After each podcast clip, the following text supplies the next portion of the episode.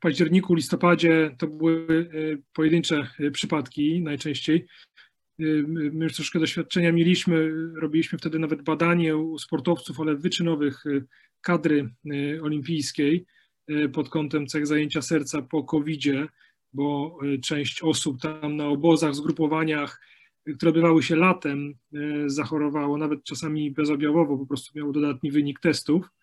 No ale takim problemem masowym, jeśli chodzi o sport amatorski, ale też wyczynowy, no to zaczęło być rzeczywiście dopiero teraz, tej trzeciej fali, y, czyli zimą i, i wiosną. I teraz no, każdy albo sam, samemu przebył, albo zna kogoś, kto czy słyszał, że, że przeszedł mniej lub bardziej objawowo COVID. I no, y, na szczęście u osób y, zdrowych, y, sportowców, czy to wyczynowych, czy amatorów stosunkowo młodych, ta choroba, jeśli chodzi o serce, nie niesie ze sobą najczęściej jakichś poważnych powikłań czy reperkusji. To oczywiście jest bardzo takie osobniczo zmienne, ale przy takim przebiegu skąpoobjawowym to ryzyko jest bardzo małe i nawet już na podstawie tych danych, które zostały zebrane, jeśli nie utrzymują się żadne objawy, e, o których za chwilę powiem, no to nie trzeba wykonywać żadnych kontrolnych badań. Można po okresie mniej więcej tygodnia od, od ostatnich objawów, e, takich przeziębieniowych, najczęściej łagodnych, wracać powoli do sportu. Trochę się to komplikuje, jeśli ten przebieg był e, nieco bardziej poważny, czyli taki umiarkowany, nie mówiąc już o, o potrzebie hospitalizacji jeśli, jeśli te objawy trwały dłużej niż tydzień, y, dotyczyły bardziej płuc. Y, y, no i jeśli utrzymują się jakieś objawy już po okresie nawet zakończenia tej izolacji, takie charakterystyczne dla, dla serca, dla płuc, no to wtedy pewne badania trzeba, trzeba wykonać. Czy zgłaszają się do Pana już osoby, które mają za sobą styczność? Tak, Powiem, że teraz jest większość osób jest rzeczywiście albo e, świeżo, albo już jakiś czas po e, przechorowaniu. Głównie to są właśnie osoby e, z tej grupy, która chorowała nieco bardziej poważnie z racji czynników ryzyka, albo po prostu tak, tak u nich ten, ta choroba przebiegała, czyli dłużej niż tydzień, z wysoką gorączką, z objawami płucnymi, z dusznością, z bólami mięśni i w klatce piersiowej i którzy mają potem problem z powrotem do aktywności y, i to nie po 10-14 dniach, tylko często po kilku tygodniach spada im wydolność, mają jakiegoś rodzaju dolegliwości bólowe, cały czas y, lokalizujące się w rejonie klatki piersiowej, czasami duszność czy zaburzenia rytmu. I to jest najczęściej y, takim czynnikiem, który skłania te osoby, żeby słusznie zresztą, bo takie są zalecenia, wykonać konsultacje i takie podstawowe badania. I no, konsultacja to opiera się na badaniu lekarskim, a te podstawowe badania to jest EKG, czyli podstawowy zapis rytmu serca w spoczynku, to jest echo serca, czyli takie podstawowe już teraz w zasadzie badanie obrazowe i jeden marker e, uszkodzenia mięśnia sercowego, czyli troponina, który e, no, jest uwalniany z uszkadzanych komórek mięśnia sercowego. Jeśli w tych badaniach oraz takim badaniu ogólnym lekarskim nie ma żadnych odchyleń, to te objawy no, prawdopodobnie są jakąś reperkusją y, po, po chorobie, ale nie wskazują na ryzyko ze strony serca i można powoli wracać do aktywności. Jeśli natomiast w tych badaniach coś jest nie tak, to wykonujemy najczęściej dodatkowe już y, badania, szczególnie rezonans serca, który jest w stanie ocenić, czy y, nie doszło w przebiegu tej choroby do zajęcia serca, czyli najczęściej do zapalenia mięśnia sercowego. E, i ten rezonans jest w stanie najlepiej to pokazać. Czyli nie rutynowo, ale tylko u osób, które po pierwsze mają objawy, po drugie coś tam w tych badaniach podstawowych, dużo prostszych do wykonania, tańszych, łatwiej dostępnych jest, e, jest nie tak. I wtedy w, w tym rezonansie jesteśmy w stanie stwierdzić, no jeśli, jeśli jest to zapalenie mięśnia, co zdarza się rzadko i w naszym badaniu sportowców zawodowych praktycznie chorujących łagodnie czy skąpo objawowo się nie zdarzało, większe rejestry na świecie pokazują, że u młodych osób, sportowców to, to jest rzędu 0,5% y, przypadków tego typu powikłanie, no to wtedy, jeśli to rzeczywiście się stwierdzi, to wymaga to przerwy od aktywności co najmniej trzech miesięcy, badań kontrolnych, żeby, żeby to zapalenie mogło się wygoić. No ale na, na szczęście jest to dosyć rzadka sytuacja. Na szczęście rzadka, ale proszę powiedzieć, gdy zbagatelizujemy to, ten odpoczynek, ten wymagany kilka czy kilkanaście dni odpoczynku, co się może stać, nawet jeżeli przychodziliśmy mm, ten COVID dosyć łagodnie? E, no, e, tutaj największym powikłaniem to jest, e, jak dotyczy to każdej infekcji, jeśli w czasie infekcji z, z gorączką albo nawet stanem podgorączkowym my dalej trenujemy szczególnie intensywnie,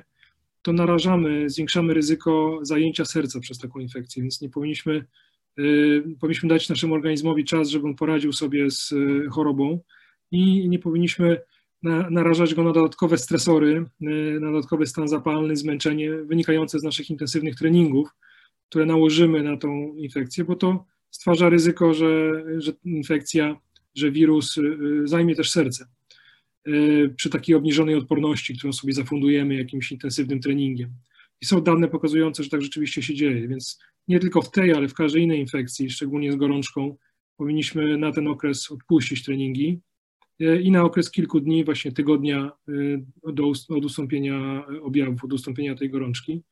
No bo zapalenie mięśnia sercowego, szczególnie nierozpoznane, e, no jest jednym z czynników nagłego zatrzymania krążenia u sportowców. Rzadko takie sytuacje się zdarzają,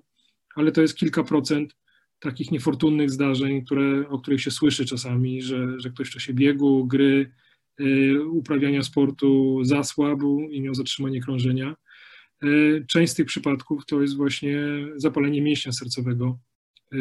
które było też wcześniej, bo to nie tylko SARS-CoV-2, ale i grypa, i inne wirusy też mogą do tego e, prowadzić. No więc trzeba zachować ostrożność. No i też tą ostrożność zachować, nawet jeśli nie ma zapalenia mięśnia sercowego, bo sama choroba o takim przebiegu łagodnym, już nie mówiąc o cięższym, no wyczerpuje troszeczkę nasz organizm.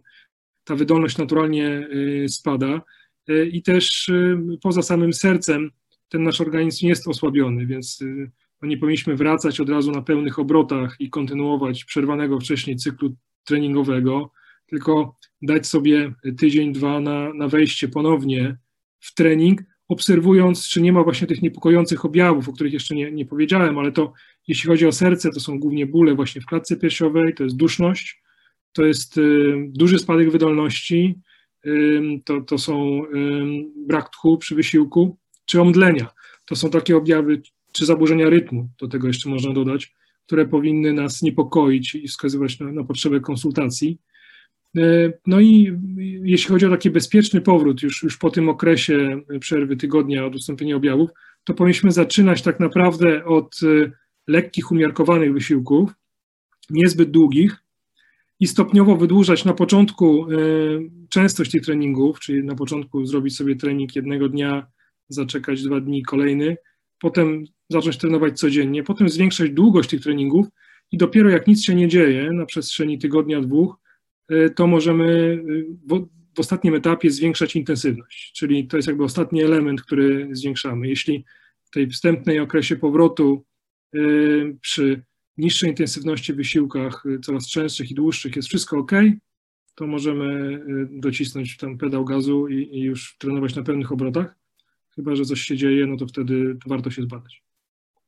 Jeszcze chciałbym zapy zapytać o infekcje, no bo infekcje są przeróżne. Jeżeli słyszymy tutaj, mówi Pan, jeżeli, jeżeli jest y, gorączka czy stan podgorączkowy, odpoczywamy. Czasami są infekcje no mniej takie, nie wiem, coś czuję, że drapie mnie, w, drapie mnie w gardle, e, jest trochę kataru, trochę kaszlu, wtedy też odpoczywamy, czy jednak wychodzimy na trening? Zaleca się, że też powinno się odpocząć. Może nie tak długo, tydzień, ale właśnie te dwa, trzy dni zrobić sobie przerwy, a na pewno złagodzić te treningi, czyli zachować coś takiego podtrzymującego, lekkiego, e, doumiarkowanego, ale zrezygnować z tych intensywnych treningów. każdy taki stan infekcji to jest, y, czasami może być pokłosiem w ogóle przetrenowania, obniżonej odporności, więc jeśli do tego dodamy mocne treningi, które też przejściowo po takich dużych jednostkach intensywnych obniżają odporność, no to możemy się narazić na zaostrzenie tego, tej infekcji, na dłuższe jej trwanie, no i potencjalnie właśnie na, na te powikłania, o których mówiłem, więc przy każdej de facto infekcji warto troszeczkę y, odpuścić, jeśli nie chce się doprowadzić do powikłań, no i szybciej wrócić też do pełnych treningów. Też często się mówi o profilaktyce, jeżeli chodzi o, o zdrowie, szczególnie jeżeli chodzi o biegaczy. Raz w roku powinniśmy wykonywać jakieś szczególne badania. Nie mówię już o morfologii, ale na przykład badania związane ze stanem naszego serca. No tutaj jakichś jednych wytycznych nie ma, one się, one się ciągle zmieniają, bo to wszystko y, jest podyktowane dostępnością y, czasami badań, możliwością ich wykonania, więc trzeba wypośrodkować te korzyści, które się ma ze sportu z możliwością wykonania badań, żeby to też nie, y, osób, które chcą trenować, nie ograniczało i kosztowych, i logistycznych.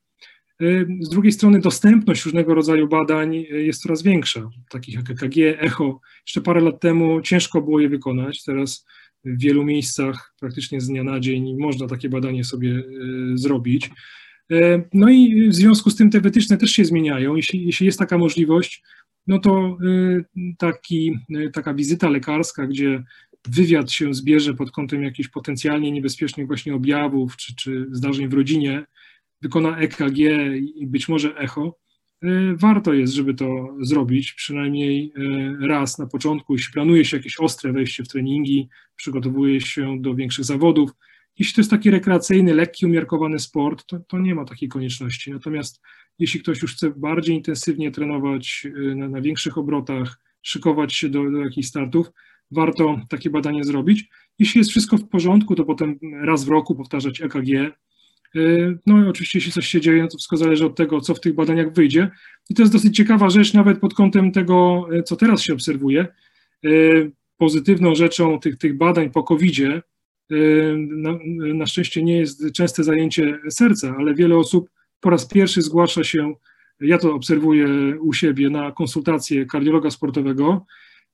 po COVID-zie, a na lepsze okazje oczywiście sprawdza się inne rzeczy i okazuje się, że COVID no, no nie zostawił jakichś, jakichś zmian, ale często takie rzeczy, które mm, tak byłyby niezbadane, e, gdzieś tam w tych badaniach e, wychodzą, e, mniej lub bardziej istotne, ale to też pokazuje potrzebę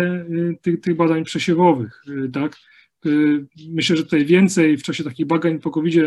ja znajduję rzeczy niezwiązanych z COVID-em, które przypadkowo zostały znalezione, niż tych powikłań po covid -zie. Y, także no taki jest pozytywny aspekt y, tych, tych, tych badań po covid że inne rzeczy też można y, wychwycić, no bo wykonuje się przesiewowo te same badania, co normalnie, czyli EKG, echo i tam czasami, czasami jakieś zmiany widać.